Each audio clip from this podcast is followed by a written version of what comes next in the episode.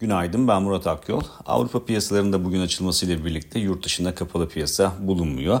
Dolayısıyla bu da hareketliliğin, küresel hareketliliğin biraz daha yüksek e, seyretmesini sağlayabilir ama yıl sonu durgunluğunun anlamlı şekilde değişmesini beklemiyoruz. E, makroekonomik veri tarafına baktığımızda yine sakin bir gündeyiz. Amerika'da sadece Richmond Fed imalat endeksi açıklanacak ama piyasalarında zaten çok fazla veri odaklı hareket etmesini bu hafta beklememek gerekiyor. E, Borsa İstanbul'a baktığımızda Borsa İstanbul'da dün volatil bir seyir izlendiğini gördük. Endeks aslında e, güne yukarı yönlü bir eğilimle başlamaya çalıştı. Fakat e, açılıştan bir saat sonra önceki gün test ettiği dip seviyelere yaklaştı. 7200 seviyesine yaklaştı. Sonrasında burayı tabana dönüştürmeye başardı endeks ve öğleden sonra e, istikrarlı bir şekilde yukarı yönlü hareket etmeye başladı ve 7400 puan seviyesinin de üzerine test etti. Burada kalıcı olmayı başaramadı e, ve günü de e, başladığı noktaya oldukça yakın bir yer olan 7300 puan sınırında noktaladı. Teknik açıdan değerlendirmek gerekirse dün ikinci yarıda özellikle oluşan tepkiyi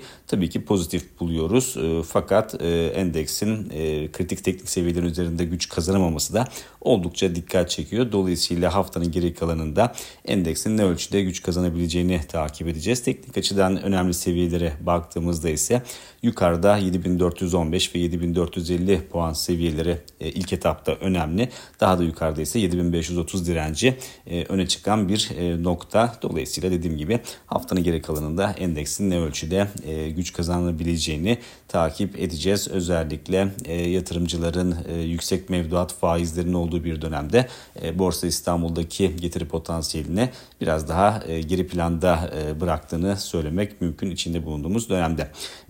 Diğer taraftan siyaset tarafta dün hareketliydi. İsveç'in NATO'ya katılımının onaylanmasına ilişkin teklif, kanun teklifi mecliste Dışişleri Komisyonu'nda kabul edildi. E, dolayısıyla bundan sonraki süre zarfında da e, genel kurula gelecek e, bu teklif ve orada da kabul edilme ihtimali zaten yüksek görünüyor. Ardından da F-16'larla ilgili ABD Kongresi'nin vereceği, vermesi beklenen karara daha çok yurt içi piyasalar odaklanabilir. Bir sonraki podcast'te görüşmek üzere.